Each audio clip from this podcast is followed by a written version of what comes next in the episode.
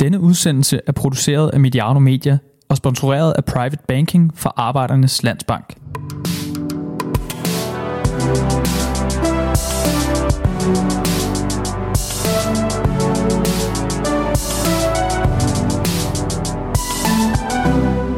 FC Københavns største transfer meget længe. Det svarer til, at Ståle købte Eriksen og Kasper Schmeichel på én gang. Sådan skrev sponsoreksperten Simon Bastiansen på Twitter, da nyheden om et nyt job til min gæst i dag slap ud. Det er store ord, Lars Bo Jeppesen. Har du ja. præstationsangst? Jeg har respekt for opgaven, og jeg, men, men jeg har ikke som sådan præstationsangst. Hvor mange medarbejdere har du under dig i dit nye job? Der har jeg omkring 100 stykker. Du kommer fra et ansvar i øh, den Sue Aegis, som jeg tror for nogle fodboldfans vil det sådan være, hvad er det for noget? Øh, hvor du havde ansvar i mange lande. Øh, jeg har læst, det var 5.000 medarbejdere Ja. i øh, den Sue Aegis. Så sådan ude i den øh, sådan store gamle corporate businessverden, er det her et skridt til siden, eller er det et skridt ned, eller er det et skridt op? Det er et skridt med hjertet. Og, øh, og det er, øh, hvis man sad og kiggede ind i et Excel-ark og bare kiggede på tal, så er det et skridt nedad, fordi faktuelt, så er det ikke 5.000 medarbejdere i 20 lande, så er det øh, 100 medarbejdere i, i et land. Men det er jo mere nuanceret, for det er også øh, 10.000 fans, det er 100.000 tilskuere, det er millioner af gæster over tid selvfølgelig. Det der med hjertet, kan du prøve at sige noget mere om det? Jeg har læst dig sige noget om øh, sidde i lufthavn og fly, og hvad, hvad er det for et arbejdsliv, man lever? Er det et eksistentialistisk valg, eller er det... Vi har også igennem tiden set erhvervsfolk gå ind i en fodboldklub og sige, hvor svært kan det egentlig være? Det er så også titlen på Mads Davidsen og Dan Hammers kommende bog, men det er jo den der attraktion, der ligger i det. Gå ind og præstere på en meget synlig scene. Hvis jeg må starte et andet sted, Peter, så vil jeg sige, øh, jeg føler, det har været et kæmpe privilegie, den rejse, jeg har været på i mit tidligere job. Og, øh, og den sluttede jeg jo med at have seks år, jeg var, havde en international karriere, som jeg tror mange drømmer om, og jeg selv drømte om, da jeg var ung. Sidde i en flyver og være international forretningsmand og opleve verden. Og det har været enormt spændende, det har lært mig enormt meget. Øhm, jeg var bare nået til et tidspunkt nu, hvor jeg følte, jeg savnede at, øh, at have noget mere konkret, noget mere relaterbart, noget mere lokalt, noget mindre rejseri. Mm. Øhm, og så er det nok også rigtigt at sige, jo højere op du kommer, jeg ved ikke, om jeg vil sige, der er koldt på toppen, men det bliver meget tal og meget lidt mennesker. Er det noget med, at man har flere karriereforløb, og du ligesom havde nået toppen i, i, uh, af den stige, du var kravlet op af i, i, i 15-17 år der? Jeg vil i hvert fald sige, at jeg havde ikke lyst til jobbet over mig, hvis jeg skulle blive det tilbudt. Øhm, for det var endnu mere politik, det var endnu flere rejser. Mm. Øhm, jeg havde oprigtigt, og jeg synes, du siger noget rigtigt, øh, med at man har forskellige job i sig, øh, eller vil prøve noget forskelligt. Og, og der tænkte jeg, at jeg har i hvert fald en 5-10 gode år endnu, og der kunne jeg godt tænke mig at komme og omsætte nogle af alle mine erfaringer, både inden for medie og marketing, men også fra den store verden, til, til noget, som er relaterbart i den by, jeg bor i. Jeg tror, det er fremtidens karriereforløb. Det er, at vi har flere karriere. Arbejdsmarkedet eller arbejdslivet bliver længere. Folk bliver mere og mere specialiserede, så er det også naturligt, at man søger flere karriereforløb, frem for kun at følge et. Ja, men det, det tror jeg er rigtigt. Jeg sætter lige et spørgsmål mere på spidsen, Ja. øh, sådan for at varme dig lidt op og noget, som Ja. jeg tror, lytterne gerne vil vide noget om, og det er ikke fordi, vi skal helt ned i det regnskabsmæssige. LaLandia er lukket ned, forventningerne i regnskabet er suspenderet, planerne for transfervinduet øh, er, som det hed på et tidspunkt, skrinlagt, og så ved jeg godt, at der er noget med i hjemfaldspligt og en værdiregulering og alle de her ting, som vi ikke skal ind i, men at det, der sker i LaLandia, og det Ståle Solbakken lykkes med ned på øh, banen her bag os, i virkeligheden mere afgørende, end om du lykkes med alle dine syv ambitioner, og dem kommer vi til. Øh, jeg tror, det er vigtigt, at vi lykkes alle sammen, og jeg tror, det er vigtigt, at vi lykkes sammen. Fordi Parken Sport og Entertainment, det er jo en, en, en børsnoteret virksomhed, der består af forskellige forretningsområder. Og jeg tror egentlig, at jo bedre vi hver især og sammen performer, jo bedre er forudsætningerne for os alle sammen. Så sportslig succes, det er vigtigt. Det er Ståle. Øh, succes i LaLandia, det er vigtigt. Det er Jan. Og øh, kommersiel succes øh, og, og, og forretningsmæssig su- succes i omkring FCK og, og Parken, det er mig. Det er også vigtigt. Mm. Mit navn er Peter Brygman. Jeg er i selskab med Lars Bo Jeppesen, der er ny direktør i parken fra 1. maj, med ansvar for den strategiske udvikling, og nu citerer jeg videre, og de operationelle og kommercielle forhold vedrørende den forretningsmæssige udvikling i FC København og i Telia Parken. Vi skal lære Lars Bo øh, bedre at kende. Jeg må godt kalde dig Lars Bo, ikke? Ja. Og vi skal høre om tanker og planer. Mediano Bosworth er præsenteret i samarbejde med Private Banking for Arbejdernes Landsbank. Det kan du høre lidt om her. Formuepleje og formueplanlægning er ikke kun relevant for meget velhævende. Faktisk er det meget relevant for flere danskere, end man lige skulle tro. Det ved vi i Arbejdernes Landsbank, og derfor tilbyder vi også private banking målrettet dig og din økonomi. Vi guider dig trygt og ansvarligt igennem de mange muligheder og valg, du har, når din formue skal have de bedst tænkelige betingelser for at passe dine mål og drømme. Tag en snak med os. Vi giver dig overblik og viser dig mulighederne. Lad os begynde med øh, din ambition og historien. Øh, hvem har tegnet de sådan store kvantespring i udviklingen af FC København i sådan diverse direktørstole sådan før dig? Hvem, altså, hvem jeg synes, der har tegnet de store kvantespring? Ja, altså hvor har, hvordan er FC København blevet til det, den er i dag, og hvad er det ligesom for en, en historik, du træder ind på skuldrene af og skal varetage? For det er, jo det, det, er jo, det er jo det, man gør, når man kommer ind i sådan en job, så varetager man en forretningsarv, men også et eller andet sted en kulturarv. Ja, ja. Øh, jamen, jeg vil egentlig ikke gå ind i, hvem der har gjort, gjort hvad tidligere, og det er egentlig mest fordi, at, at jeg har selvfølgelig nogle holdninger til det, men jeg vil hellere tale om, om fremtiden. Selvfølgelig er det klart, at, at, at der er nogen, der har gjort noget, og det, og det ja, dog. Peter, det, jo, ved du hvad, det, det kan jeg da godt. Altså, det, det er jo klart, der er nogen, der har gjort meget for klubben. Øh, helt tilbage fra den, fra den bliver stiftet øh, til i dag. Øh, Nils Christian Holmstrøm, Donø har der gjort meget for klubben på et tidspunkt. Jeg synes, øh, vores nuværende aktionærer har gjort rigtig meget for klubben. Øh, jeg vil jo mene, de har reddet den fra en konkurs, da økonomien var, var, øh, var meget presset. Øh, Bo Rygaard har transformeret den de sidste fem år til at være en meget ordentlig og veldrevet forretning, hvor der er styr på tingene, hvor man har nogle, nogle, nogle gode visioner. Og jeg håber da også, at jeg kommer til at sætte en, øh, en, en retning og en kurs og lykkes med nogle ting. Så, så det vil måske være sådan noget. Så kan du sige, det var det kommercielle. Det er jo klart, Ståle Solbakken har jo også betydet enormt meget for klubben. Han er vel øh, en af de dygtigste, eller han er nok den dygtigste træner, der har været i, i, i Norden, og været her to omgange og mange år. Så han er selvfølgelig også helt afgørende. Nu kan det også være en lille smule utaknemmeligt at skulle lave eftermæler for sine forgængere og sådan noget, men jeg, jeg, jeg, jeg tror, det er vigtigt for forståelsen af FC København, også hvordan du ser den. Hvis jeg nu prøver at anlægge en præmis for tiden efter Østergaard og Hammer, ja. øh, så siger man, Anders Hørsholdt øh, og ejerne og bestyrelsen var med til at strømligne FCK i den turbulente tid efter bruddet med folkene fra nullerne. Øh, jeg tror, Hørsholdt og bestyrelsen selv vil sige rydde op øh, i det økonomiske. Den der tid, Stod den for nogen kvantespring, så hvor FC København udviklede sig, eller blev det bare vedligeholdt og trimmet? Nej, den, den stod der klart for øh, en periode, hvor vi, udviklede, hvor vi udviklede os. Der blev skabt det fundament, vi står på i dag. Øhm, og jeg, jeg har tit hørt, jeg har faktisk hørt mange gange, at der ikke sket så meget herinde de sidste 10 år. Øhm, men, men jeg tror bare, man skal læse i sportstabellerne, så kan man se, jo, det er der jo faktisk. Vi har jo øh, egentlig vundet meget mere, end vi burde med vores økonomi og vores som land størrelse. Og det tror jeg, det er skabt i et fund, altså ved at der med hørshollægeren og aktionærerne er skabt et, et solidt fundament, hvor der faktisk var nogle sikre støtter, der ligesom skabte ro omkring klubben. Hmm.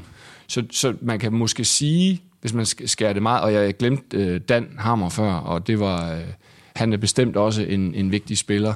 Øhm, men, så man kan måske sige, der var jo en ære under Dan Hammer og Flemming Østergaard, hvor man, hvor man virkelig fik sat øh, klubben på landkortet. Og så har der været en, en, en, en ære efterfølgende, hvor øh, Hørsholdt og i særdeleshed vores, øh, vores nuværende aktionærer fik skabt ro og fundament om en fodboldklub, der har leveret nogle fantastiske sportslige resultater. Mm. Og det har selvfølgelig også været med Ståle med på rejsen. Af to omgange. Så altså, den her strategi, der blev skrevet med altså i, øh, i Katja Mosgaard og øh, øh, tiden her med, med, med strategi 19 plus, øh, byens kulturhus, et kulturelt flagskib i København og mange af de her ting med, at det her sted, parken, skulle være sådan en moderne katedral i storbyen. Øh, hvor meget af den skal der bygges videre på, eller hvor meget bygger man, ikke forfra, det ved jeg godt, men hvor meget uh, laver man helt nyt øh, afsæt? Øh, man laver ikke helt nyt afsæt, men man sætter turbo på i det omfang, det er muligt. Nu er vi i en coronatid, som selvfølgelig sætter de fleste tilbage, eller i hvert fald øh, sætter tempoet ned i en periode. Øh, men jeg synes, der er mange af de ting, der skal, øh, der skal arbejdes videre med, fordi de er fuldstændig rigtige. Mm. Øh, og jeg synes, mine syv ambitioner, som jeg har lanceret, øh, har et stort samme, og dem havde jeg egentlig tænkt og, og, og gået og formuleret for mig selv, inden jeg tiltrådte.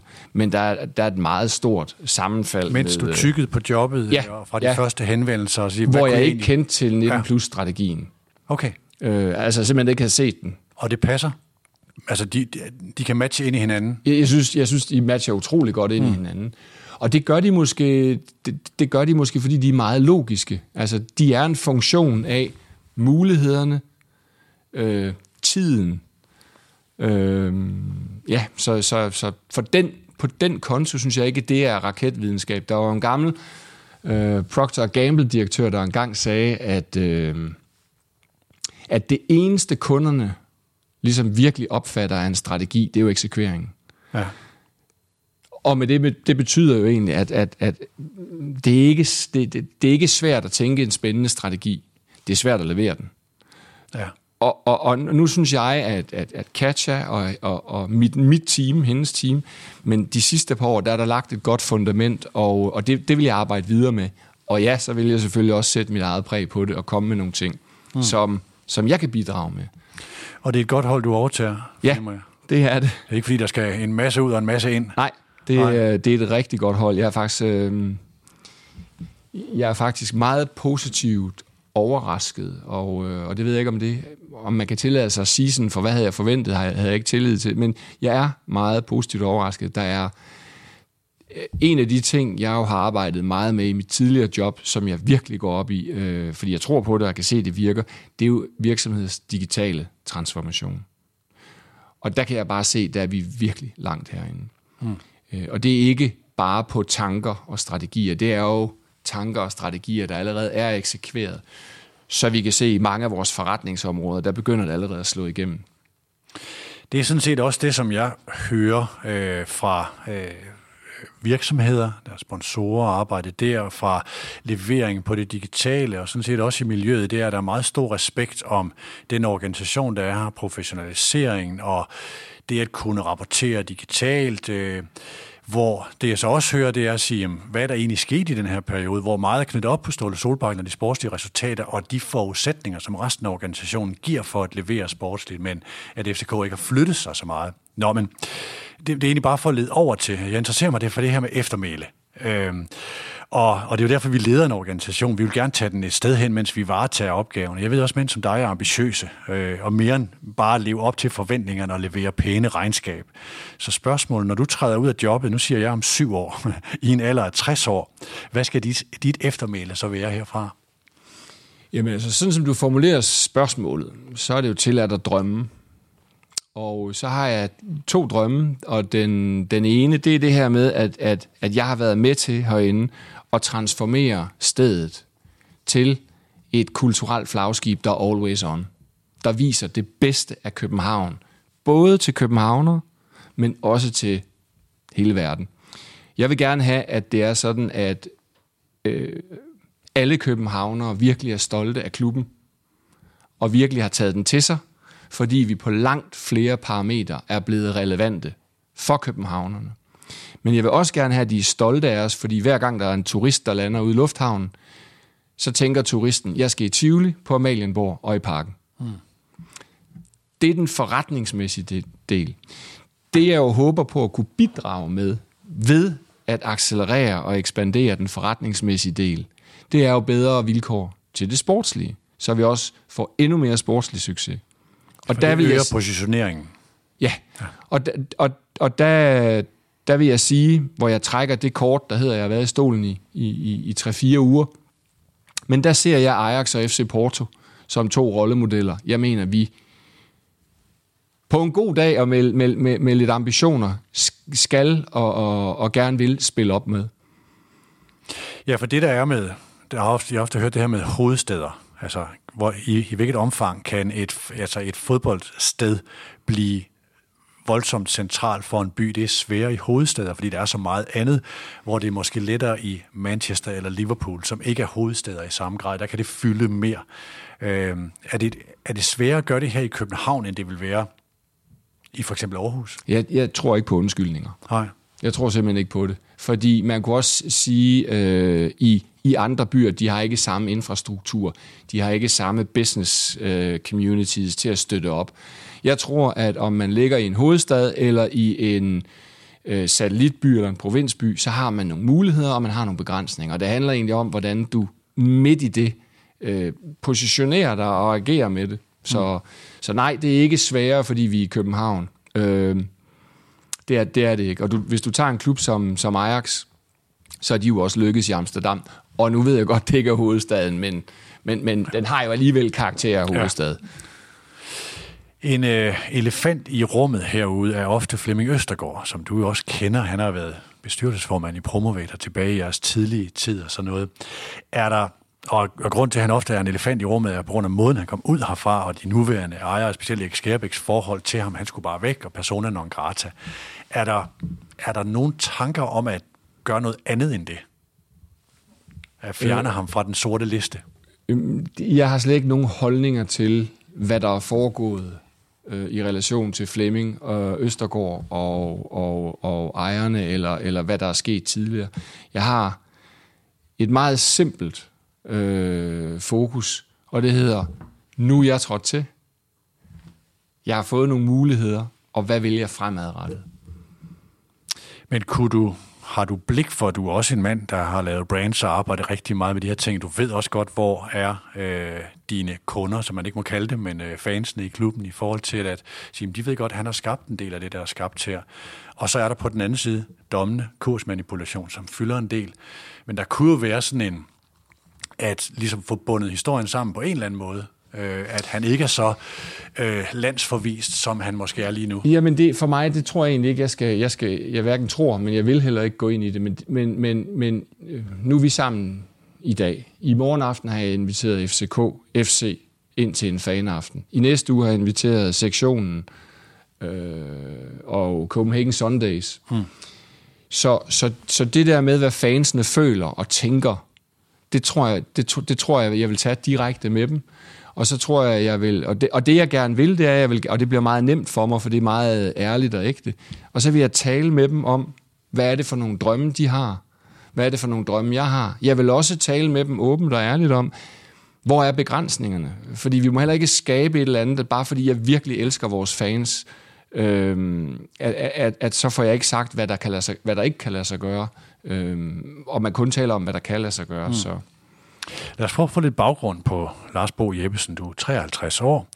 Du var 14 år i den Su Aegis og 17 år i organisationen i alt. Var det sådan? Ja, det er rigtigt. Øhm, jeg kunne høre, på, øh, at fanradioen ikke kender så meget til det her, den Su ikke, så det er heller ikke sikkert, øh, at øh, øh, lytterne derude alle sammen gør. Jeg kender dem ret godt. Jeg har præsenteret Mediano for den Su og Karat flere gange, øh, fordi den Su ikke, så Karat, Visium og alle den, de her slags selskaber ude på Christianshavn sidder på de største budgetter i, øh, i Danmark og også mange andre steder. Og vi vil ligesom mange andre medier sindssygt gerne fat i Elgiganten, Arla, Opel, Coca-Cola, Ikea, Rema, Dplay eller lignende kunder. Det er sådan et omdrejningspunkt for marketingsbudgetterne i Danmark og i mange andre lande. Hvor stor en omsætning forvaltede I? Jeg, var ansvarlig for... Det, det, er jo nogle, det, er jo nogle, det er jo nogle lidt mærkelige tal, men jeg, jeg var ansvarlig for en, en omsætning på 4 milliarder. Ja, fordi man kører mange penge igennem systemet, du skal ud og placere dem ja, i budgetter på tv og i medier osv. Lige præcis, lige præcis. Så, så tallene bliver så store, at, at, at din, din lytter vil bare sidde tilbage og have hørt et, et urelaterbart stort tal. Men du kan sige, det er en...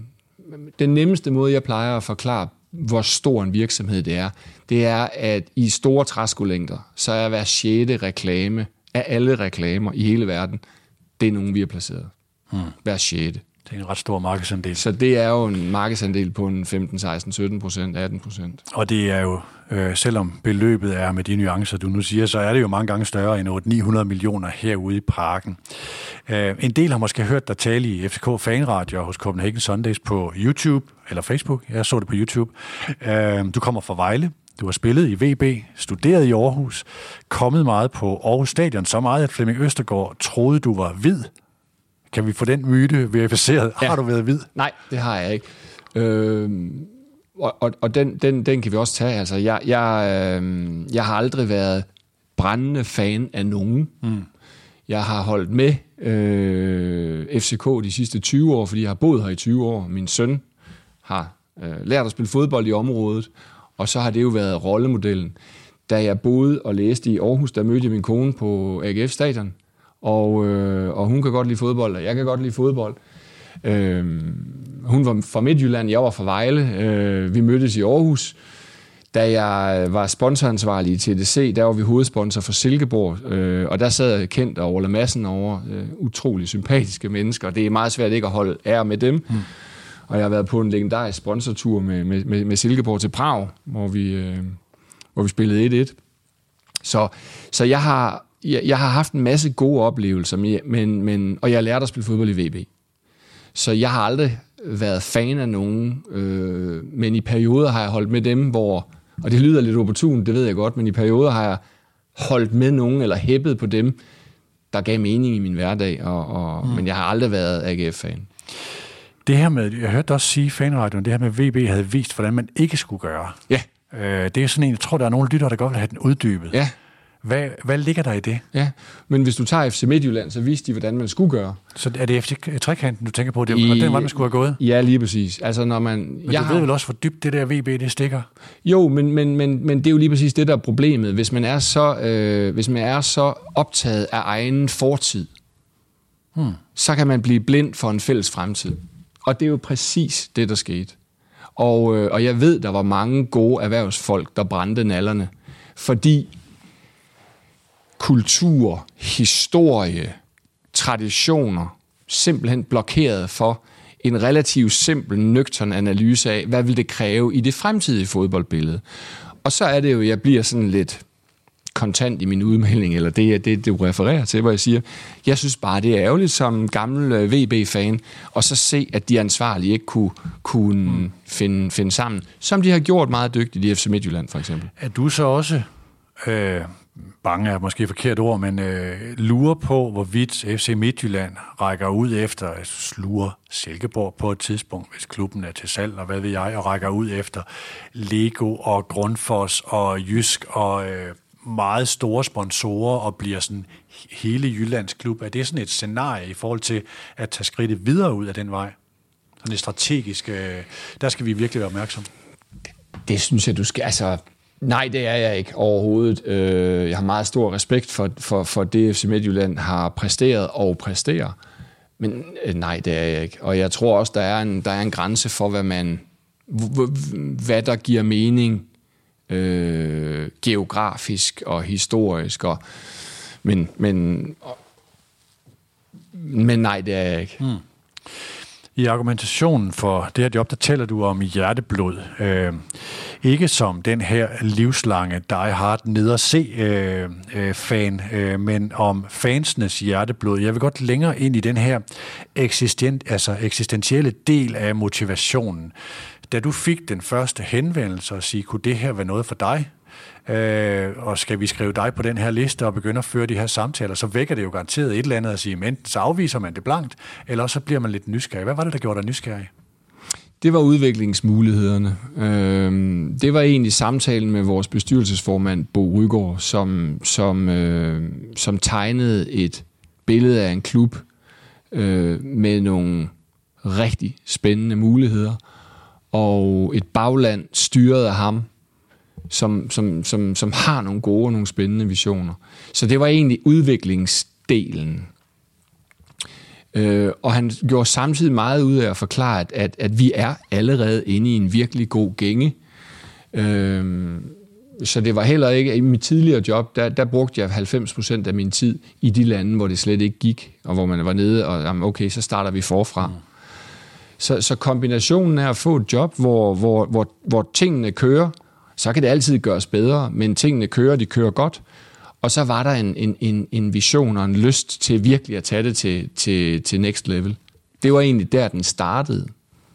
Det er jo sådan, øh, nu sammenligner vi jo før med den Suegis og sådan noget, det er jo sådan ned i formelt ansvar i forhold til omsætning, antal ansatte og så videre, og så er det til gengæld voldsomt op i synlighed. Øh, der er flere, der ved, når du sidder til et middagsselskab, når det er der, du er, end der var for et halvt år siden. Ja. Øh, er det her sådan, hvad kan man opnå med det? Altså, selvfølgelig kan man opnå noget på en ret synlig scene. Der er spændende perspektiver i, øh, i jobbet, det er indiskutabelt. Øh, men hvad er sådan din indre motivation i det?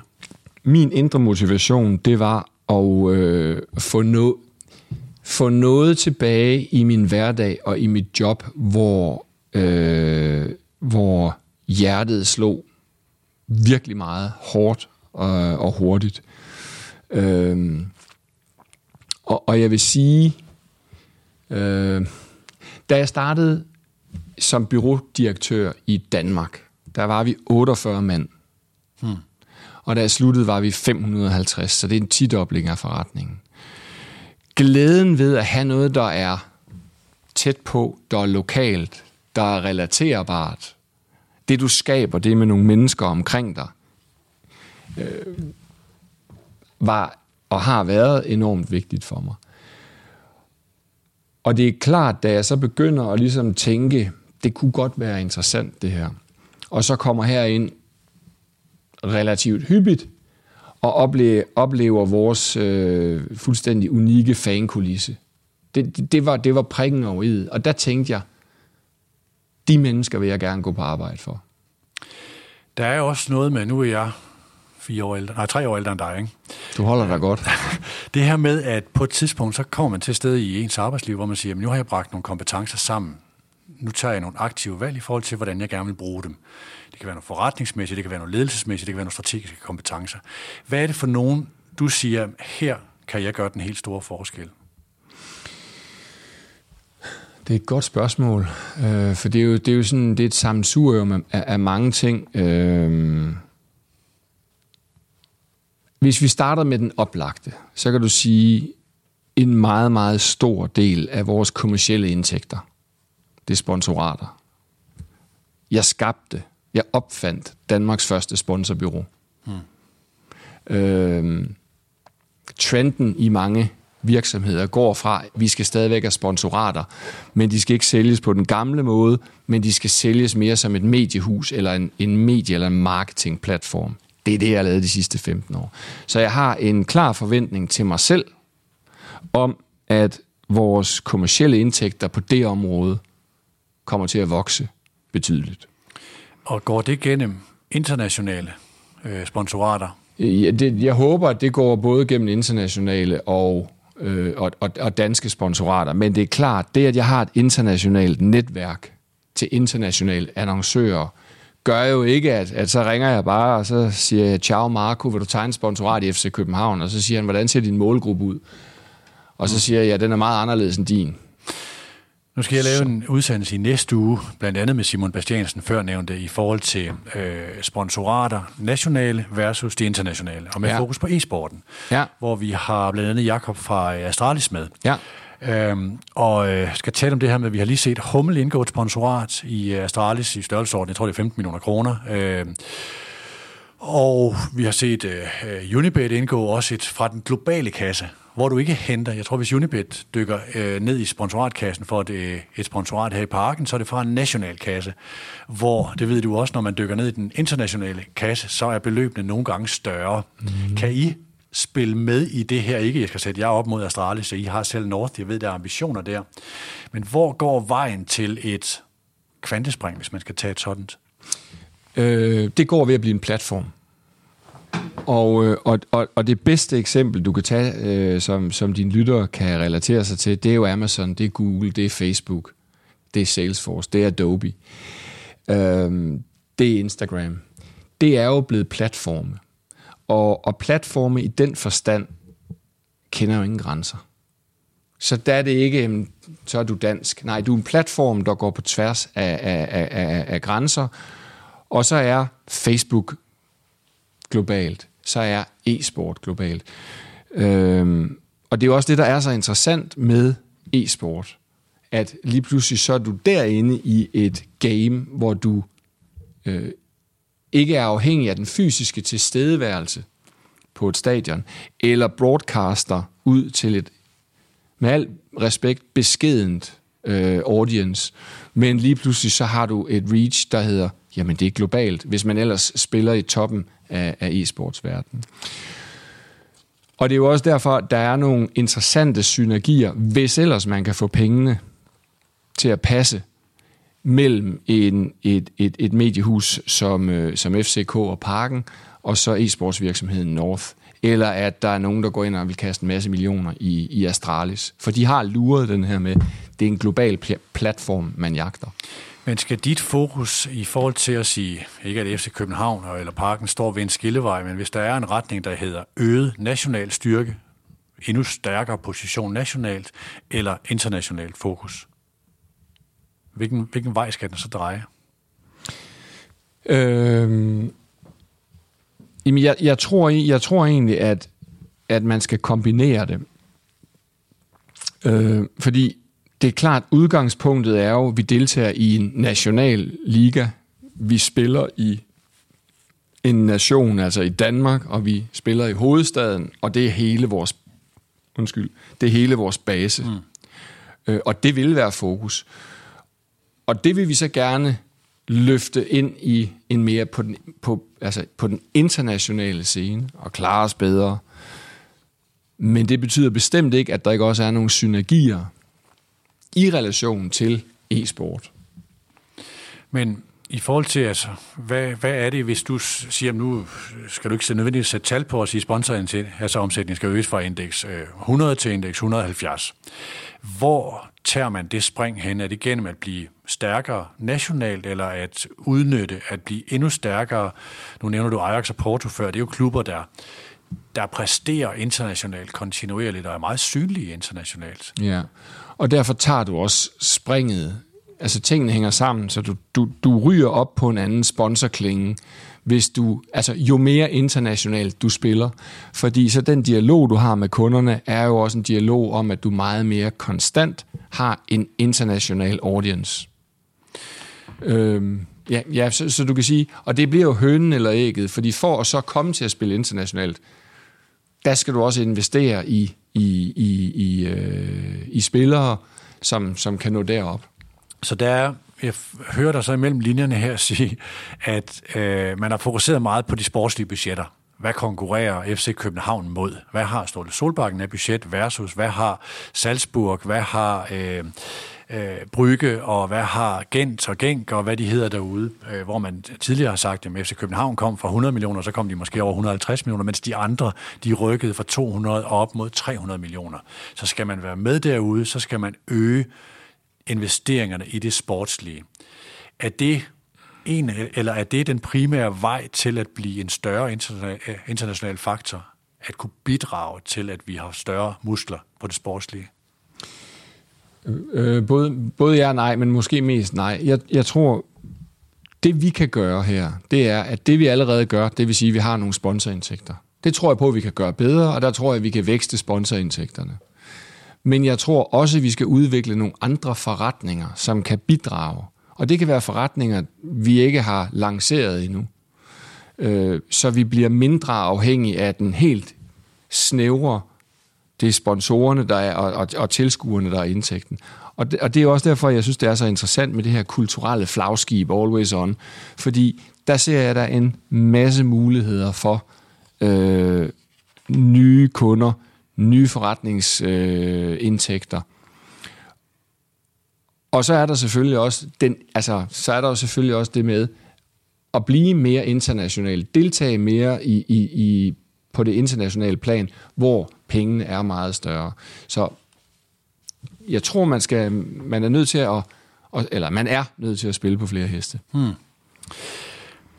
Det her med, øh, der er mange øh, i dit job, i andre klubber, der er gået ind i det her, hvor man tænker, hold da op, der kom en, en fra, der havde været direktør i den her branche, og så kom der en fra den her branche og gik ind i jobbet. Øh, og nogle gange har man tænkt, jeg kan godt forstå incitamentet, fordi det er en ret synlig scene, man går ind i, men nogen har også sådan brændt fingrene lidt på det og finder, finder ud af, som jeg, jeg tror, det er Dan Hammer, der har sagt, der er meget fodbold i at drive en fodboldklub.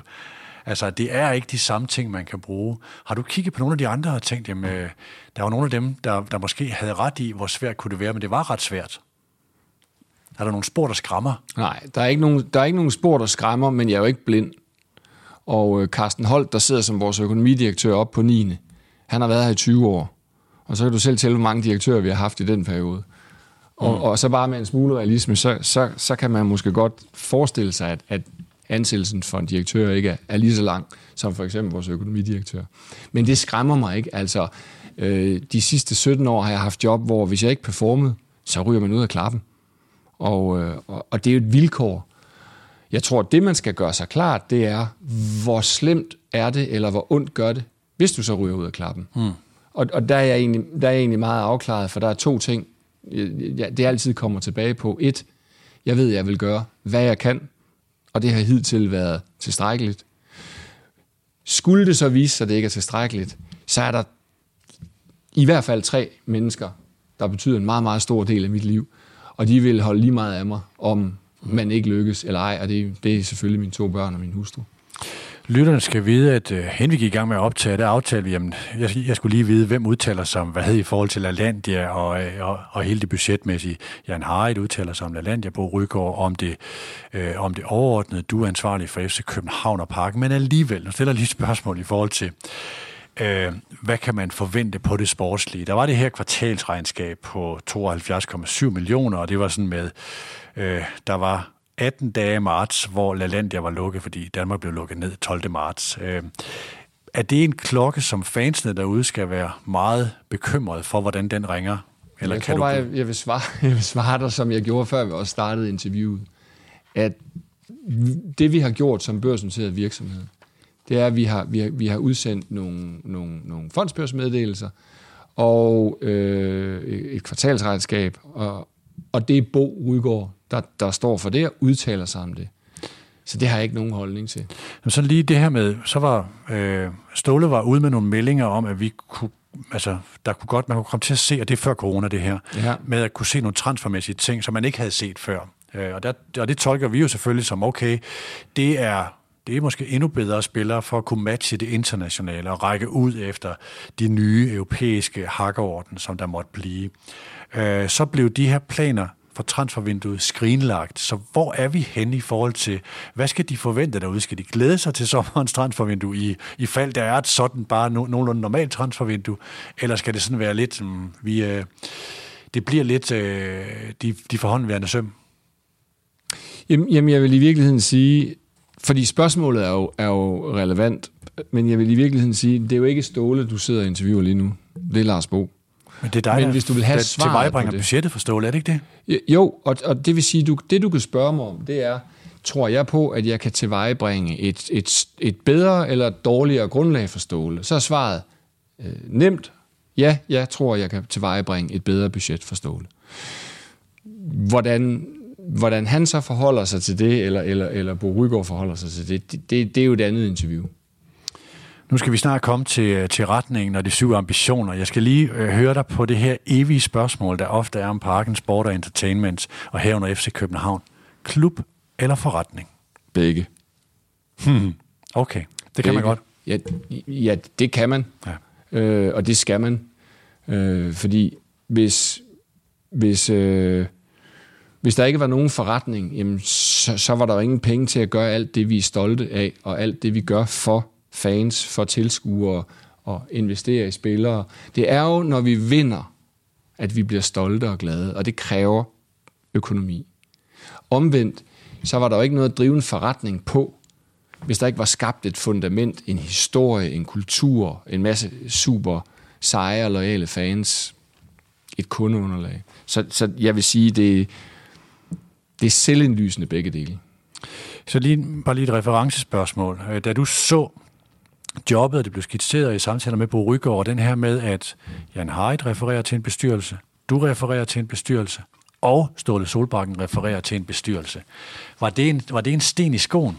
I forhold til, altså jeg ved, den verden, du kommer fra, der, er man, der vil man sige, jamen entydighed. Jeg, lad mig sige det sådan, at jeg synes, Bo forklarede det egentlig ret enkelt. Han sagde, det er som det er, af nogle gode grunde, så fik jeg dem, og så kunne jeg godt se, at det er relativt simpelt. Det er også rigtigt, at i andre virksomheder, der kan det gøres på en anden måde. Men det du kan være sikker på, det er, at jeg har ikke på noget tidspunkt været i tvivl om, hvad var præmissen, og kunne jeg på den præmis øh, agere som, som direktør herinde. Og det mener jeg godt, jeg kan. Hmm. Og, og du kunne faktisk også sige, altså, at det, det kunne også være en styrke, at, at man har delt det op. At I virkeligheden, så hvis du tager mit tidligere job, så var jeg måske den øverste høvding øh, i Danmark, og så havde vi nogle, nogle, nogle underhøvdinge for de forskellige byråer. Men vi var kun gode, når, når, når, når byrådirektørerne kunne samarbejde. Og, og det er jo lidt det samme herinde, hvor du så kunne sige, Bo, han er overhøvdingen, og så har han tre underhøvdinger. Vi skal selvfølgelig også kunne samarbejde. Og det kan vi også, det er jeg mm. sikker på. Hvis, og den kommer nok en dag, hvor Ståle Solbakken skal videre, skal hans afløser så også referere til bestyrelsen, eller vil du gerne have, at Ståles afløser skal referere til dig? Det skal du snakke med Bo om. Det, det, kan, det, det, det, det, det, kan, jeg, det kan jeg ikke svare dig på. Det, det, det er Bos. Okay, og lige om lidt, så kommer vi til retningen for FC København under Lars Bo Jeppesen. Private banking fra Arbejdernes Landsbank er mere og andet end bare investering. Det er først og fremmest formueplanlægning, der giver dig overblik. Du bruger for eksempel en stor del af dit liv på at opbygge en formue. Men har du også en god plan for, hvordan du klogest bruger den igen? At planlægge sin gæld er faktisk lige så vigtigt som at planlægge sine investeringer. Private Banking fra Arbejdernes Landsbank. Vi giver dig overblik og viser dig mulighederne. Så lad os prøve at kigge på, øh, hvor øh, FC København skal hen, og også på det sponsormæssige. Vi kommer lige om lidt til de her med de syv ambitioner. Øh, det her bliver kaldt verdens, eller øh, du, øh, jeg tror, du har kaldt det verdens bedste sponsorprodukt. Der er lige lavet aftaler med øh, Carlsberg som hovedsponsor. Den løber helt frem til 2026, er det altså forlænget til 2024, og Audi til udgangen af 2021. Øh, Telia som har jo navnet på parken, løb øh, blev lavet. Var det en syvårig aftale fra 2014? Jeg, kan næsten, jeg må næsten regne ud, ud fra det, det gamle, jeg kan læse, og det må udløbe næste år. Er det sådan det næste, du skal kaste over? Ja, det er det.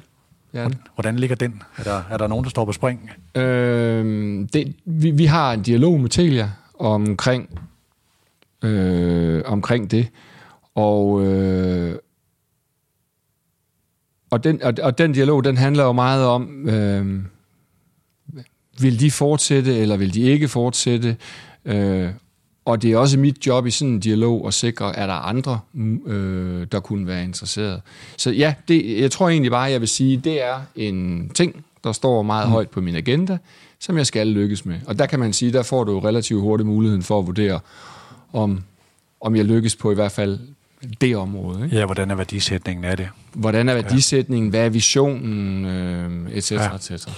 Øhm, du vil sikkert også på nu de her fanmøder, der er legnet op herinde for de kommende, øh, den her uge og næste uge, ja. møde, måske kunne jeg forestille mig den her case med Unibet og øh, Loyalty is Forever. Der var en, hvor øh, nogle af FCK-spillerne blev brugt på sådan nogle casino-rulle, eller sådan nogle spilautomatshoveder, og som faldt fansene for brystet, hvor man i FCK er et mediehus, og vi bruger også vores sponsorer på sociale profiler, rullede den her ud, øh, hvor man så brugte Loyalties Forever. Det faldt mange fans for brystet, at, øh, at man tog ejerskab på det her fra noget, som var et casinoprodukt, sagt med den, øh, ikke foragt, men øh, den der afstand, som, som nogen har i forhold til der, hvor man lever af, at andre taber penge, groft sagt. Er du bekendt med den case, og hvad tænker du om den? Øh, jeg er bekendt med den, og øh, det var en fejl, og jeg synes, det var øh, utrolig synd for Unibet. De var uden skyld i det. Den tager vi på vores kappe. Og jeg tror, at når man, når man, hvis man har et rigtigt mindset, så handler det hele tiden om at få så meget ud af dit aktive. Altså i det her tilfælde FCK, spillere, stadion, resultater, mm. kampe. til fordel for dine sponsorer. Øh, og det her, det var så et eksempel på noget, der ikke skulle have været øh, foreslået eller lavet. Det var en fejl. Mm. Full stop. Øh, det lærer man af. Og det, jeg tror, vi alle sammen kan genkende til, at vi en gang imellem laver fejl.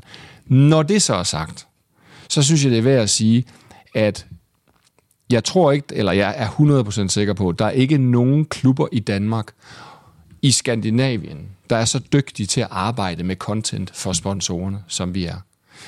Øh, hvis du ringer ud til Adidas, så vil de kunne fortælle dig, at vi er lige blevet clearet til at levere global content til et af verdens mest esteemed varemærker.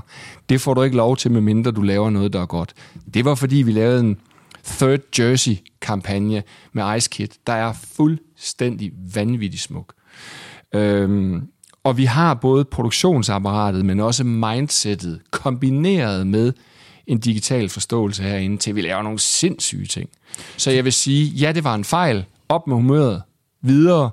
Frem i bussen. Basis er i orden, og vi laver virkelig gode ting herinde. Og det er meget vigtigt, fordi i den, i den fremadrettede måde at se og tænke sponsorater på, der er det, ud over det digitale, der er det content. Det er det her med, at FCK skal være et mediehus, altså ja. også arbejde med content på den måde. Vil du have gået head-on ind i den og sagt, vi har lavet en fejl? Fordi der blev ikke kommunikeret ret meget fra, ja, da, selvfølgelig. fra, fra Københavns men, men igen, det er altid så dumt at sidde og diskutere og, og pege fingre af fortiden.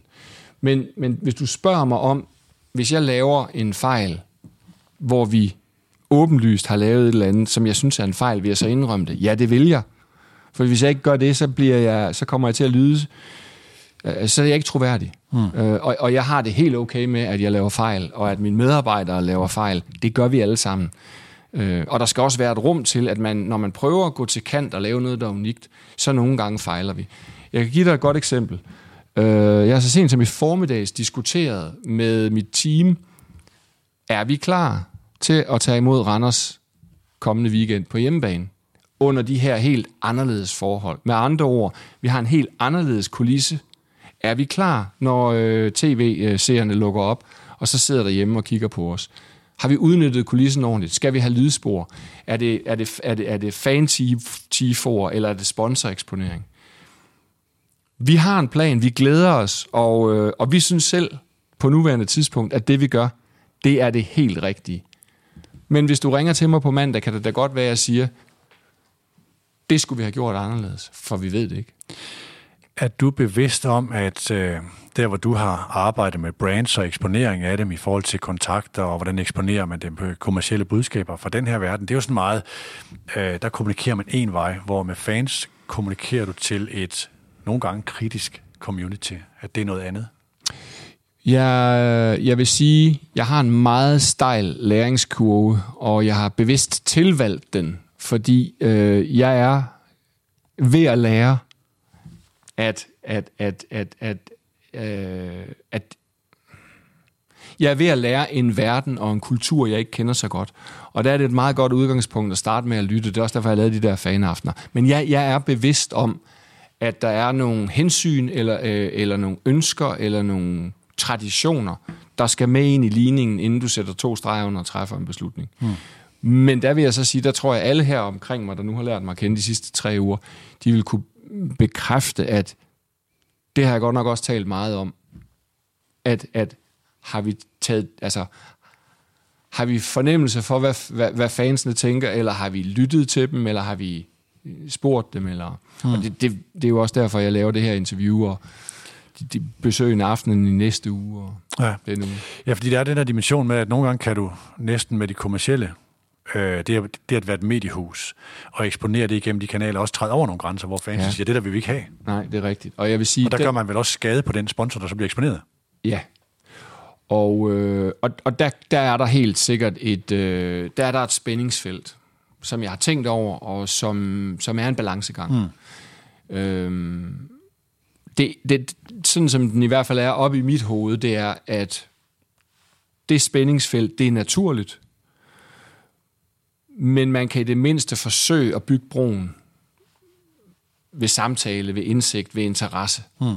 Så kan der sagtens være nogle, nogle, nogle beslutninger, jeg kommer til at tage, hvor fansen tænker, det der, det er vi bare uenige i. De der aftener kunne man forestille sig, at det blev sådan mere formaliseret, et, et, et fanmæssigt advisory board, eller hvordan skal man sige det? Jamen, det er faktisk sådan, jeg ser det. Okay. Altså, øh, hvis de møder øh, velforberedte op, øh, og jeg kan virkelig mærke, at de kvitterer for invitationen ved at komme med nogle bud, hmm. og jeg også kan mærke, at når jeg så at, at jeg også får muligheden for at forklare nogle ting, set fra vores perspektiv, så er det helt klart min tanke, at vi skal have nogle, nogle aftener, som bliver sådan kvartals Okay, så det kommer til at fungere eller, sådan, ja. Helt klart. Fordi for mig, og det er jo den baggrund, jeg kommer fra, der handler det om at lytte til kunderne.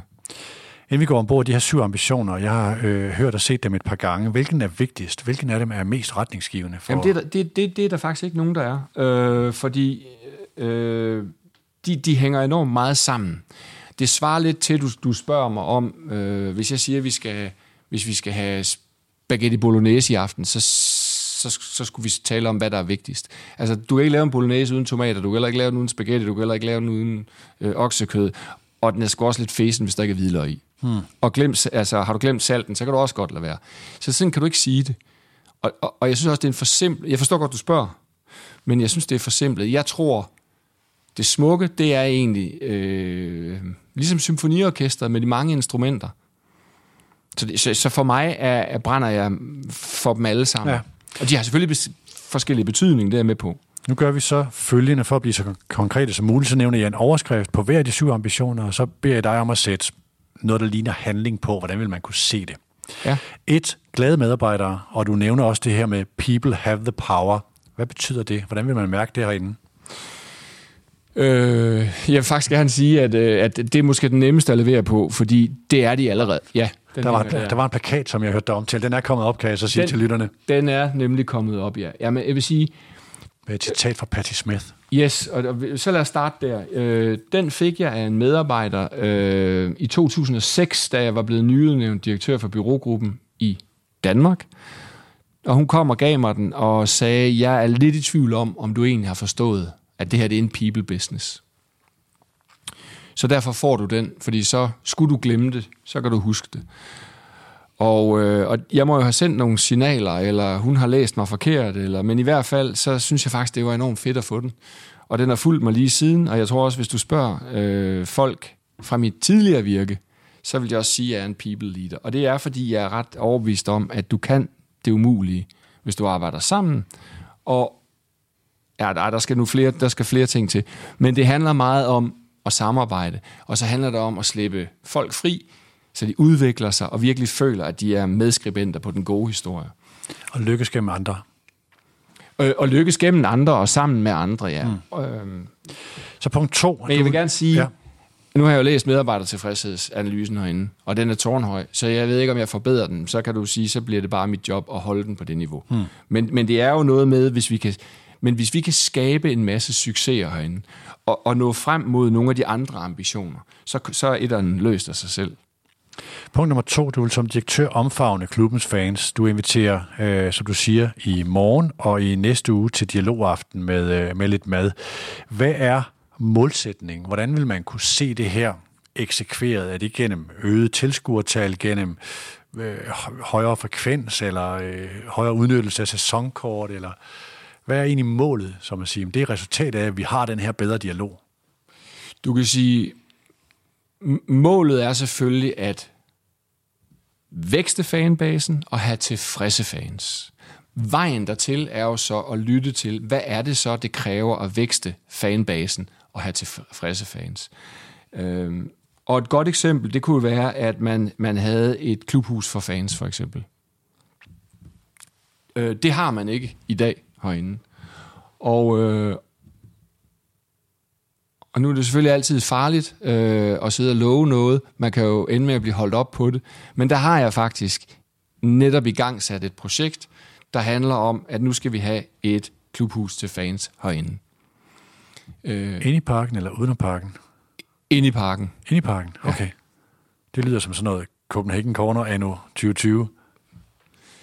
Ja, altså... Øh, nu skal vi se, hvor vi kan, hvor vi kan få det, men, men, men der, og, og, og jeg vil sige, altså, jeg har været her tre uger, så, så, Ja. så der kan være forskellige geografiske beliggenheder, men jeg synes, det giver, hvis man gerne vil være et always-on øh, sted, så skal du have et sted, hvor dine fans også kan komme tirsdag aften, hvor der ikke spilles, men hvor der er skærme, hvor der kører sport, hvor man kan gå ned og få sin burger, hvor man kan møde sine venner, hvor man kan sidde og diskutere, om Tifon fra i søndags, den var fed, øh, og hvordan mm, startopstillingen sandsynligvis bliver på, på, på søndag. Og jeg skal lige sige til øh, øh, FCK-fans, som lytter, altså øh, Copenhagen Corner-referencen er bare fordi, jeg er en doven journalist, der engang kan huske, at der var noget, man gik over til, at kampen spiller kom derover, og Jokeren spillede, og man kunne få en fadøl efter kampen ja. og sådan noget.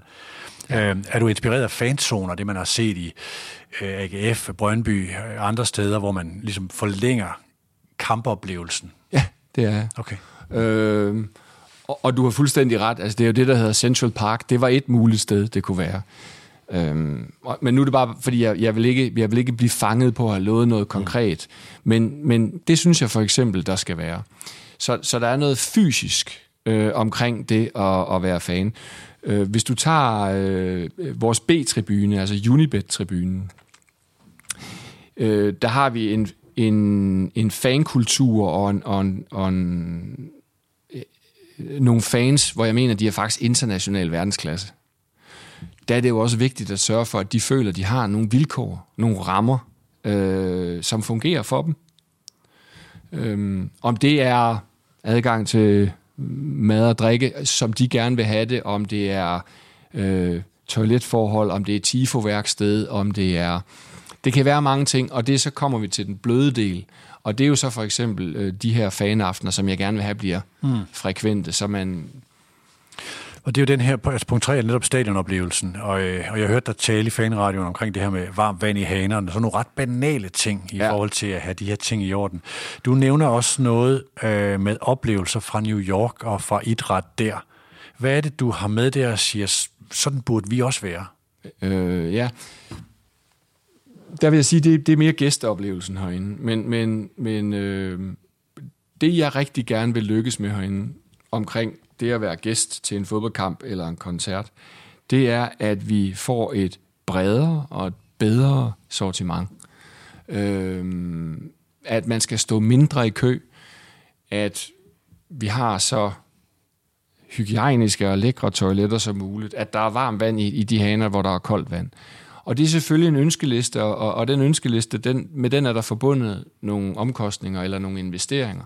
Men der må man jo så lave en forretningscase, hvor man tror på, at hvis vi øger kvaliteten af produktet, så er der flere, der vil købe den, eller de samme vil betale mere.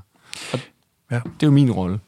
Jeg hørte dig også sige det her med, altså, øh, at kan man nå ud i pausen og hele den der, øh, altså kunne forbedre den der oplevelse. Det ja. har jeg også hørt mange andre tale om. Ja. Hver gang jeg hører den, så tænker jeg det ikke for, for at tro, du ikke har tænkt dig om, men, men siger, hvad tror du forgængerne siger til det? Tror du ikke, de har prøvet at forbedre oplevelsen? Og hvad er det for nogle marginaler eller revolutioner, man kan lave? Øh, fordi der er vel tænkt tanker, øh, også, ja. Også, ja. også før din tid. Ja. Øhm, jo, jeg tror, at mine forgængere også har prøvet. Øh, og, og jeg er også sikker på, at øh, som jeg kommer længere ind i materien, så er der nogle begrænsninger. Nogle af dem kan man måske overkomme, nogle af dem kan man ikke. Men jeg er i hvert fald gået ind i projektet med en tro på, at det kan lade sig gøre. Mm. Må jeg bare sige, hvis vi lige siger, at vi er på den anden side af Euro 2020 i 2021, øhm, og, og igen, det er bare, hvordan jeg selv tænker, uden at den er sådan forankret alle steder. Men i dag har vi 38.000 sædepladser herinde. Øh, vi har ikke et gennemsnit per kamp på 20.000. Med andre ord, det gennemsnitlige tilskuerantal, det er ikke fulde huse. Jeg kunne da godt forestille mig, jeg kunne godt forestille mig, i hvert fald som noget, jeg gerne vil arbejde med, at fjerne nogle steder, og så gøre oplevelsen meget bedre udvalgte steder. Så kan det godt være, at vi kun er 30.000. Men hvis det så betyder, at det er en helt anden oplevelse, de 30.000 får, når vi nu alligevel i gennemsnit øh, kun er 20 eller, eller, eller derunder, og meget sjældent er fulde huse. Så man øger hverdagsoplevelsen, Ja. øh, om nødvendigt på bekostning af capacity crowd. Ja, Ja. Og der kommer der så et andet komplekst dilemma, jeg skal forholde mig til, og det er selvfølgelig, når man så siger, jamen, så har vi en anden kunde, som er enormt vigtig, der hedder DBU. DBU, ja. Ja, og DBU siger, men det er ikke lige det, vi gerne vil. Og der må man jo så have dem med ind i sådan en dialog også, hvor man så siger, men I er også vigtige, så hvis vi gør sådan, vil det så også betyde noget for jer, at de gæster, I in, in, inviterer, får en langt bedre oplevelse? Eller betyder det mere, at I har fulde huse, mm. men hvor folk ikke kan vaske hænder i varmt vand? Punkt 4, og jeg har lovet dig, at vi holder os til en time, og vi nærmer os nu. Ja. Øh, Det er verdens fedeste sponsorprodukt. Øh, I er dygtige på data. Øh, Hvad er det, der skal forbedres her, og hvordan kan man skalere det her? Øh, jeg vil sige, det, det der for mig er ambitionen, det er det her med, at i stedet for at, at sælge sponsorater, som vi kigger rundt og ser, hvad vi har på hylderne, og så paketerer vi, der kalder det guld, sølv og bronze, så, er det jo, så vil jeg gerne have en, en, øh, en tilgang til det, der handler meget mere om, hvad er det for nogle forskellige behov for forskellige virksomheder, vi skal løse. Og så er det den dialog, vi starter med. Når vi så har gjort det, så vil jeg sige, det som det, der er den store forskel på sponsorater, fra da jeg startede Promovator herinde faktisk, i den her bygning for 20 år siden, ja. og til i dag, det er den digitale transformation. Og hvad betyder den digitale transformation? Den digitale transformation betyder, at du med teknologi og data kan skalere den oplevelse, de produkter, du har, ud til mange, mange, mange flere. Bare et lille bitte eksempel. Hvis du tager FC København på Facebook eller på Instagram, så er vi på niveau med topklubberne i den tyske Bundesliga. Vi er et af de største medier i Danmark. Øh, Vi er det største på Instagram. Vi er det de største på Facebook. Det er det her måleværktøj, øh, din øh, kommunikationschef Jes Mortensen har vist mig det på et tidspunkt. Ja. Hvad, er det, hvor, hvad er det, man måler på det? Kan du, kan du Ja, huske det? jamen jeg vil sige, det, det, det, det, det kunne jeg sagtens fortælle dig om, men det, og det er ikke, fordi jeg ikke vil, Peter, men det, men det er bare, det bliver enormt nørdet og teknisk. Der ligger faktisk også en udsendelse, der hedder Mediano Marketing, hvor Jes fortæller om ambitionen for at blive et mediehus, hvor han, hvis nogen vil vide mere om Ja. ja. det, så ligger den over i Mediano Lab-kanalen. Det jeg bare vil sige som svar på spørgsmålet, det var, men, men, men, men i gamle dage, der, der, der, var, en- der kunne man sælge en bande, og så kunne den bevise på tv, og det har helt klart en stor værdi. Men i dag har det også en værdi, om der er noget, der lige pludselig får traction på Facebook og Instagram. Mm. Et, du rammer nogle helt nye målgrupper. To, igen, så er du platforms øh, baseret. Det vil sige, nu er du afhængig af en masse begrænsninger, og så kan du nå ud. Så den her digitalisering af de produkter, vi har, gør, at du kan skalere det på en helt anden måde. Og du får så også nogle datapunkter, der gør, at du rent faktisk kan fortælle kunden, hvad effekten var. Så værdien er både rækkevidde og data på dem, man når. Både rækkevidde, men det er også selve kvaliteten af den interaktion, du er. Så du kan både du kan nå bredere ud, du kan have en meget længere dialog, og så kan du dokumentere mm. begge dele. Punkt 5, det er samfundsansvar. Ja. Og der bliver nævnt sundhed. Ja. Det synes jeg er meget spændende. Hvad er det? Jamen, det er faktisk, øh, jeg skulle til at sige, det, det er virkelig noget, jeg brænder for, men det er de seks andre også. Det er, øh, og det er faktisk, øh, det er faktisk noget, der allerede er, et, der foregår et stort arbejde i klubben øh, med, og det er jo det her med, vi er en fodboldklub, så vi, vi kan virkelig noget med fodbold, og vi kan noget med sundhed. Hvis du tager unge mennesker, så er der så mange ting, hvor fodbold og sundhed, det tjekker ind. Det er noget med fællesskab. Det er noget med, at de simpelthen lærer noget om sund mad. Det er, at de lærer noget om motion. Hmm. Det er, øh, der, der er rigtig mange ting i det her. Og der vil vi gerne bringe øh, vores kompetencer i spil for alle, der gerne vil chippe ind i den her øh, fodboldagenda, men, men ikke for, at vi skal finde den lille Ronaldo i Gunsø Magle, når han er fem år. Det må være nogle andre, der gør det i en anden setting. Men igen det her med, hvis vi skal være noget for København, nu skal jeg sige noget, hvor du, ja, lidt spontant, men tidligere så var et af mine yndlingsjob, det var sådan sagt med et smil på læben, jeg vil gerne være kirkeminister. Og så tænkte alle, hvad snakker han om? Hvorfor han være kirkeminister? Og så var det fordi, jeg sagde, jo, fordi alle kirker i Danmark, det er Danmarks bedste venues, og de har ingen kunder. Fordi at man er ikke særlig relevant for dem. Og det er lidt det samme herinde. Så sundhed, nu er det så samfundsansvar sundhed. Vi kan lave så meget for alle klubber og øh, alle de små foreninger på hele Sjælland, hvor det handler om at hjælpe dem med at få en endnu bedre forening. Hvor der er masser af unge mennesker, der synes, det er fedt at, at, at spille fodbold og, og, og får nogle venskaber og nogle fællesskaber. Og det, vil, det er jeg sikker på, hvis, hvis, det, hvis det niveau bliver løftet, fordi vi går ind aktivt og støtter det, så vil du også få en far og en mor, der tænker, det sgu alligevel, det er sgu alligevel meget fedt med FC København. Det er andet end bare transfers og sponsorkontrakter. Og Som er community-skabende. præcist. Ja. Kræver det, at de skal have ind på græsset og skolens idrætsdag, eller? Øh, det, det, det, det, kunne, det kunne sagtens være en kulmination på det, men jeg vil sige, Jeg nej, mere jeg, hybridgræs. jeg, jeg, jeg tror egentlig mere, det handler om øh, at simpelthen understøtte kulturen ude i, i øh, forenings Danmark. Og, og, der, og, og, og der øh, har jeg faktisk allerede, eller har vi allerede dialog med nogle, nogle potentielle partnere. Øh, fordi det, der er mange, der gerne vil det her med sundhed ja. for vores børn. Ja, fra, fra den kommercielle verden også. Ja, ja, ja. det er rigtigt, ja. Øhm, og, og så det der med kirke. Men, men, men, men en ting, du også kunne tænke herinde, det er så væk fra sundhedsagendaen, vil jeg gerne sige. Men det er jo bare for at fortælle, hvor mange muligheder der er herinde. Jeg tror også, vi alle sammen ved, at i Danmark, der lever vi af innovation, viden, uddannelse. Jeg kunne sagtens forestille mig, at vi herinde laver et innovationsbaseret startup-miljø, hvor vi bygger en bro mellem alle vores erhvervssponsorer og unge startups, der har brug for en eller anden faglig mentor, sparring, og så laver et fedt miljø herinde. Men, men bare for, at det hele ikke skal være... være, være altså, men det kunne også være ældre mennesker, der spiller banko. Hmm. Det skal bimle og bamle. Øh, Bimle og bamle lyder så plat. Ja. Det skal være relevant for mennesker, og der tror jeg, man skal tænke... Og det er også ment på, på aktiviteten. Ja, Altså, altså, skal, jeg synes, det, men du er bare nødt til at tænke sådan en, en, en, en, en arena som det her inde meget bredere, hvis du vil have folk bredt til at, at, at, at, at købe ind i, hvem du er.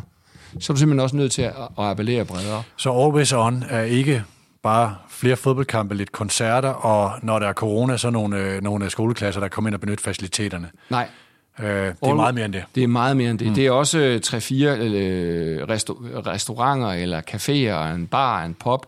Det kan være en foredragsvirksomhed, det kan være en biograf, det kan være øh, Nordeuropas fedeste tagterrasse nightclub. Øh, Indebærer nogle af de her ting byggeplaner, nu kan det være svært at forestille sig at bygge længere ud på grund af den, det, man har, måske også op. Øh, er der, altså, Ja, hvor, hvor det ligger gør det ekspansionsmulighederne? Øh, jeg vil sige det sådan, at jeg har øh, i denne uge, eller i næste uge, det må du ikke hænge mig op på, der har jeg møde med et arkitektfirma. Og nogle af mine medarbejdere. Og der, og, og der handler det egentlig om at starte det projekt, der hedder, hvordan kunne det her se ud om fem år? Ja. Og der håber jeg så, der kommer en... Og og vi har selvfølgelig briefet ind med vores visioner, jeg har briefet med mine visioner. Og så håber jeg, at der kommer et spændende diskussionsoplæg tilbage. Og på et eller andet tidspunkt, øh, så, så, så, så, så er vi der, hvor man tænker, ja, sådan kunne vi godt se det om fem år. Og så skal jeg selvfølgelig sætte mig ned og sige, okay, men det er jo ikke gratis. Der skal nogle penge i kassen. Og der er det jo så min opgave at skære den salami op i enkelte skiver, og så finde ud af, okay, hvordan laver vi så en forretning ud af det hjørne, og hvordan laver vi en forretning ud af det, og hvordan laver vi en forretning ud af det. Men det er tilgangen. Så skal man også ud og kigge på venues ude omkring i verden. Hvem har gjort noget under stadion? Hvem har gjort noget oven på stadion? Hvem har gjort noget udenom stadion? Ja, præcis. Og der kan du sige, det kan vi både selv gøre, men det er også typisk, når du går til øh, arkitekter for eksempel, eller et arkitektfirma, eller en, en entreprenør. Typisk så vil de jo have en række cases, hvis man ellers vælger dem, vælger de rigtige, hvor de allerede har erfaringer med eller har set. Så, så, så det for, projekt forventer jeg mig rigtig meget af. Du må undskylde, lige forlænger mit eget mandat i forhold til, mm. hvor lang tid jeg har fået, men Det var jeg synes, det her er interessant. Ja. Øh, indebærer nogle af de her ting, at man skal snakke med de omkringliggende og Københavns Kommune, fordi altså, nogle af de her planer, jeg synes, det lyder meget spændende, jeg kunne godt forestille mig, at nogen kunne tappe ind i det, men mm. så sige, der skal man altså også ud og have nogle rigtig gode relationer rundt omkring sig. Det, det er da klart. Altså, øh, hvis, hvis vi vil sådan nogle ting, så, så kræver det, at, at, at du har en god dialog med kommunen, og at kommunen kan se, at det her det vil være godt for København. Det kræver, at borgerne på Østerbro tænker, ej, det er spændende det her. Det kunne være fedt at få et sted, hvor vi tirsdag aften kunne tage familien med over og få en burger, for eksempel. Øh, Så, så nærmiljøet er også vigtigt. Så der er, og det er en af de ting, nu startede vi den her, det her interview med, at jeg er gået fra øh, 5.000 til 100 medarbejdere. Mm. Men hvis vi så taler om stakeholder management, så er den lige omvendt. Altså, der er så meget stakeholder management i mit job, for der er så mange ting, der hænger sammen. Og, og det er ikke nogen nem opgave, men det er en virkelig spændende mm. opgave. Og hvis hele tiden fællesnævneren det er, det skal være godt for København, Så er det det sportslige, det er punkt 6. Øh, det er her med, med, at, med at støtte Ståle op til en position med Porto Ajax, ja. øh, som, øh, som du nævner. Ja. Er der et måltal eller en horisont på det der? Nu tænker jeg sådan i det europæiske hierarki. Lige nu er det 13 ud af 14 puljespil, ja. og mange af dem er blevet Europa League på grund af den måde, hierarkiet er blevet. Ja. Er det sådan øh, at sige, at vi skal høre nu kommer Conference League, og uden vi skal dybt ned i de der definitioner på de her ja, turneringer. Ja. Hvad er så målet? Ja, målet, det skal du snakke, det sportslige mål skal du snakke med, med Ståle om. Øh, men, men mit første møde med Ståle, det var jeg ude på tieren og besøge ham. Og så fortæller han mig om, hvordan han ser det at drive øh, en professionel fodboldklub og et professionelt fodboldhold på øverste hylde. Hvad for nogle muligheder der er, og hvad for nogle begrænsninger der er. Mulighederne kan vi hurtigt blive fascineret af. Begrænsningerne, det er lidt noget andet. Men, men der er det klart, der har Ståle selvfølgelig nogle idéer om, hvad skal der til, hvis han skal levere på en højere klinge. Og der vil jeg gerne være den, der hjælper ham med at skaffe de midler. Og du ved, det, kan, det er ikke bare eller kun at gå ud til sponsorer. Det kan jo også være at bryde projekt nyt træningsanlæg. Og det er bare, en, altså det er bare en, et eksempel men bryde nyt trænings- eller bedre træningsanlæg ned i små bidder, og så få den processet igennem forretningsverdenen. Fordi Ståle ved alt om fodbold, og han ved sikkert også meget om, om, om forretning. Men det er ikke det, han ligesom bruger sin tid på. Han bruger på at vinde hver søndag. Så det vil jeg gerne hjælpe ham med. Så du skal tilvejebringe midlerne til, at man kan rykke sig endnu højere op i det europæiske hierarki? Ja, jeg, ja, jeg vil gerne... Jeg, jeg ser det som den fornemmeste relation, jeg kan have til, til Ståle og hans trup, det er at skabe bedre økonomiske betingelser for, at han kan levere på mm. øverste hylde. Så rykke sig tættere op på det, man skal måle som internationalt, ja. men vel også rykke sig fra dem, der nærmer sig nationalt. Jeg tænker på Midtjylland. Øh, ja, det vil... Kigger is- du dig på Ståles vegne over skulderen og kigger på dem? På Midtjylland? Ja. Nej. Øh, jeg har meget stor respekt for Midtjylland. Ja, men jeg har egentlig jeg har faktisk stor respekt for alle. Jeg tror, hvis du spurgte øh, igen folk på min tidligere arbejdsplads, så er mit kendetegn, at jeg har lige så stor respekt for receptionisten som direktøren. Øh, og i fodboldverdenen, der har jeg lige så stor respekt for FC Midtjylland, og det de har klaret med de midler, som for Real Madrid og det, de har med de midler. Men når du ser på, hvem jeg kigger efter, eller hvem jeg ser som rivaler, så, så vil jeg vende spørgsmålet om til dig, Simon, i hvilken kontekst? Fordi i, i en kontekst, der ser jeg Ajax og Porto som dem, jeg ligesom ser som, mm. det, det er den vej, jeg vil. Eller jeg gerne vil, at vi skal. Mere end at kigge så over, hvor har vi Brøndby, hvor har vi AGF, hvor har vi Midtjylland? Ja, men det er jo ikke ens betydende med, at der ikke er en sund, fed rivalisering mellem FC Midtjylland og Brøndby og AGF, øh, og hvor det kun er godt, at, at når det også går dem godt, så der er noget spænding i ligaen. Mm. Så. Hvornår, hvornår begynder det at gøre, øh, øh, øh, altså give anledning til, til meget rynket pande, altså det her med tre ud af seks mesterskaber, kun Midtjylland, ser ud til at være på vej mod, selvom de tabte i går, hvor vi sidder her om tirsdagen. Øhm, altså, hvis de lykkes europæisk, er der nogen, altså ikke, jeg ved godt, du ikke skal svare på det sportslige, det overlader du til Ståle, men hvornår giver det anledning til strategiske overvejelser? at de nationale rykker for meget på sig i forhold til den førerposition, som FCK har haft i mange år nu? Det har det i hvert fald ikke gjort hidtil. Øh, men jeg vil sige igen, det at man benchmarker sig op imod, øh, eller, eller, eller, eller fokuserer på Ajax og Porto, betyder jo ikke, at man skal være tonedøv og ikke skal tage god inspiration, hvis Brøndby har lavet et, et, et, et, et, et, et fanmiljø, der, der, der har nogle gode ting, eller hvis øh, FC Midtjylland har en, en, en værdikæde af, af, af spillere, som virker, eller øh, AGF har lavet et nyt arena-koncept, der, der, der virker. Men det er ikke sådan, at fordi FC Midtjylland nu gør det godt øh, sportsligt, så begynder jeg at sidde og ryste på hånden. Øh, jeg tror, at de sidste mange års resultater øh, viser, at, at, at vi har fat i, i den lange ende, og vi har en god og en sund model, og vi har øh, virkelig mange koncepter, der, der mm. virker.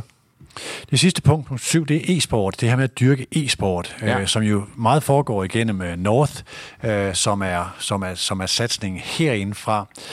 Hvor stort potentiale ser du her? Kan fodboldklubber gøre det her eller er det overladt til hvad skal man sige, native selskaber, som man kan kalde Astralis-gruppen, som jo er kommet ud af, de er jo ikke kommet som en del af en fodboldklub. Det er et godt spørgsmål. Øh, og jeg tror, vi er så tidligt inde i, øh, i e-sportens gørn og laden, at, øh, at det kan jeg simpelthen ikke svare dig på. Det, man selvfølgelig, det jeg så kan forholde mig til, det er, vi har North, og, øh, og, og hvad handler den rejse om? Og der vil jeg sige, om du er en fodboldklub, en sportsklub, en entertainment eller en native, så er der noget interessant i, at du skal investere over en årrække, og det skal du være klar på. Lad os sige 10-20 millioner om året i 5-10 år, men du ender op med en global underholdningsplatform, der er 1-2 milliarder værd. Det er det, vi taler. Og, det, og, det, og, og du er ikke sikker på succes, så det kan også være, at du bare taber de der 100 millioner. Men, men, men upsiden, det er det, vi taler mm, om. Så man er, man er forpligtet til at række ud efter den? Nej, det synes jeg ikke, man er. Fordi øh, når du rækker ud efter den, siger du også øh, på kort sigt nej til noget andet. Og det vil sige, der kommer du ind i den her helt, helt klassiske forretningsbeslutning, der handler om, de penge, jeg nu bruger på kort sigt, kan jeg jo så ikke bruge på kort sigt på noget andet. Hmm. Omvendt, hvad skal vi leve af i fremtiden, hvis vi får, et, får sværere og sværere ved at få tag i de unge? Øh, eller øh, hvis der lige pludselig bare er noget, som, som, som virkelig rykker. Så har du undervejs i det her tænkt, når du har set fodboldklubber gøre det her, du har jo også været med til at placere budgetter, øh, mm. og så kommer Juventus med noget der, og så kommer der nogen med noget der, at det er en illusion? At ja, e-sporten har kolossale midler i sig hos dem, der virkelig præsterer, men hvorfor skulle en fodboldklub kunne tage, undskyld, to drenge ud af et kælderværelse og gøre dem til store spillere på det her? Jeg, øh, der er jo ikke, jeg, altså jeg har i hvert fald en skepsis i forhold til, når jeg kigger på, ikke branchens potentiale, det deler jeg fuldstændig, men på om fodboldklubber skal kunne, skal kunne være dem, der gør det. Ja, det, det kan jeg godt forstå. Det er ikke givet, at fordi du driver en fodboldklub, så skal du også kunne drive e-sport. Så, så den præmis, den køber jeg. Mm. Det betyder jo ikke, at du ikke som fodboldklub kan gøre det, kan gøre det dygtigt Nej. eller gøre det dårligt. Øhm, jeg vil sige, den, den ting, jeg selvfølgelig har tænkt over, når jeg taler e-sport, det er, jeg savner stadigvæk at se den gode forretning. Ja. Det er en investeringscase. Omvendt, så er det jo også fair nok at sige, at i nogle brancher, der er investeringscasen af en vis horisont, men det er payoffen også. Hmm. Facebook, Google, Instagram, Skype. Du tager alle de her. Ja. Og der, der står vi så alle sammen bagefter og siger, ej, hvorfor var det, vi ikke var med? Fordi det er jo så oplagt, at der er noget, der hedder Facebook. Altså, du og jeg kan jo godt huske for 10 år siden, vi, da man lancerede begrebet en app, der sagde vi jo en, en hvad? Hmm. Og vi anede ikke, at det ville blive det, det vigtigste i vores, i vores liv på en, nemlig en lille smartphone. Nej, så det er at sammenligne med mediernes digitalisering. Det er et tog, du kaster dig på, og så, øh, så, så ser du, hvor det fører dig hen. Og, Præcis. og man vil ikke fortryde, at man var den, der ikke stod på. Nej, i hvert fald ikke, hvis man havde muligheden. Nej. Så skal jeg sige til lytterne, at vi på Mediano faktisk har en aftale med øh, dine, eller jeres øh, nyudnævnte øh, kommercielle direktør i FCK, Jakob Lauesen, i regi af Mediano Marketing. Det var egentlig tænkt en, øh, en aftale, der blev lavet omkring billetstrategi i sin tid, men øh, som jeg tror, vi kommer til at lave her i løbet af forhåbentlig sommeren eller sådan noget. Jeg tænker faktisk også, at vi godt vil lave yderligere en udsendelse i Mediano Marketing, som vi laver sammen med Partnership, når I bliver endnu mere konkrete på det her verdens fedeste sponsorprodukt. Ikke for, at vi skal på Mediano gøre reklame for det, men der er mange, der lytter interesseret til, hvad er det klubberne gør, og også kigger mod, hvad er det faktisk I gør i forhold til digitalisering og så videre. Øh, men det kan vi jo løbende øh, øh, følge op på. Føler du, at vi har fortalt om det, som, som øh, du havde håbet på? Ja, det synes jeg. Jeg synes, vi har været, vi har været bredt omkring. Der er ikke sådan en, en ting i programerklæringen, som du siger, det der, det, det skal jeg bare huske at sige til, til de der Parmigiano-lyttere. Mm, nej, har vi ikke været, har vi ikke været meget godt omkring? tror jeg. Ja. Jeg vil gerne sige dig tak for gæstfriheden. Tak fordi du inviteret. Tak for at sætte ord på, hvor, øh, nu skal jeg passe på mine, øh, mine ord, men hvor flagskibet i dansk fodbold de seneste 15 år øh, øh, sejler hen. Tak til Private Banking fra Arbejdernes Landsbank, den gode måde at passe på din formue. Tak til dig, der lytter med. Uden dig, Inde Mediano. Det her er Mediano Bossword. Vi høres ved.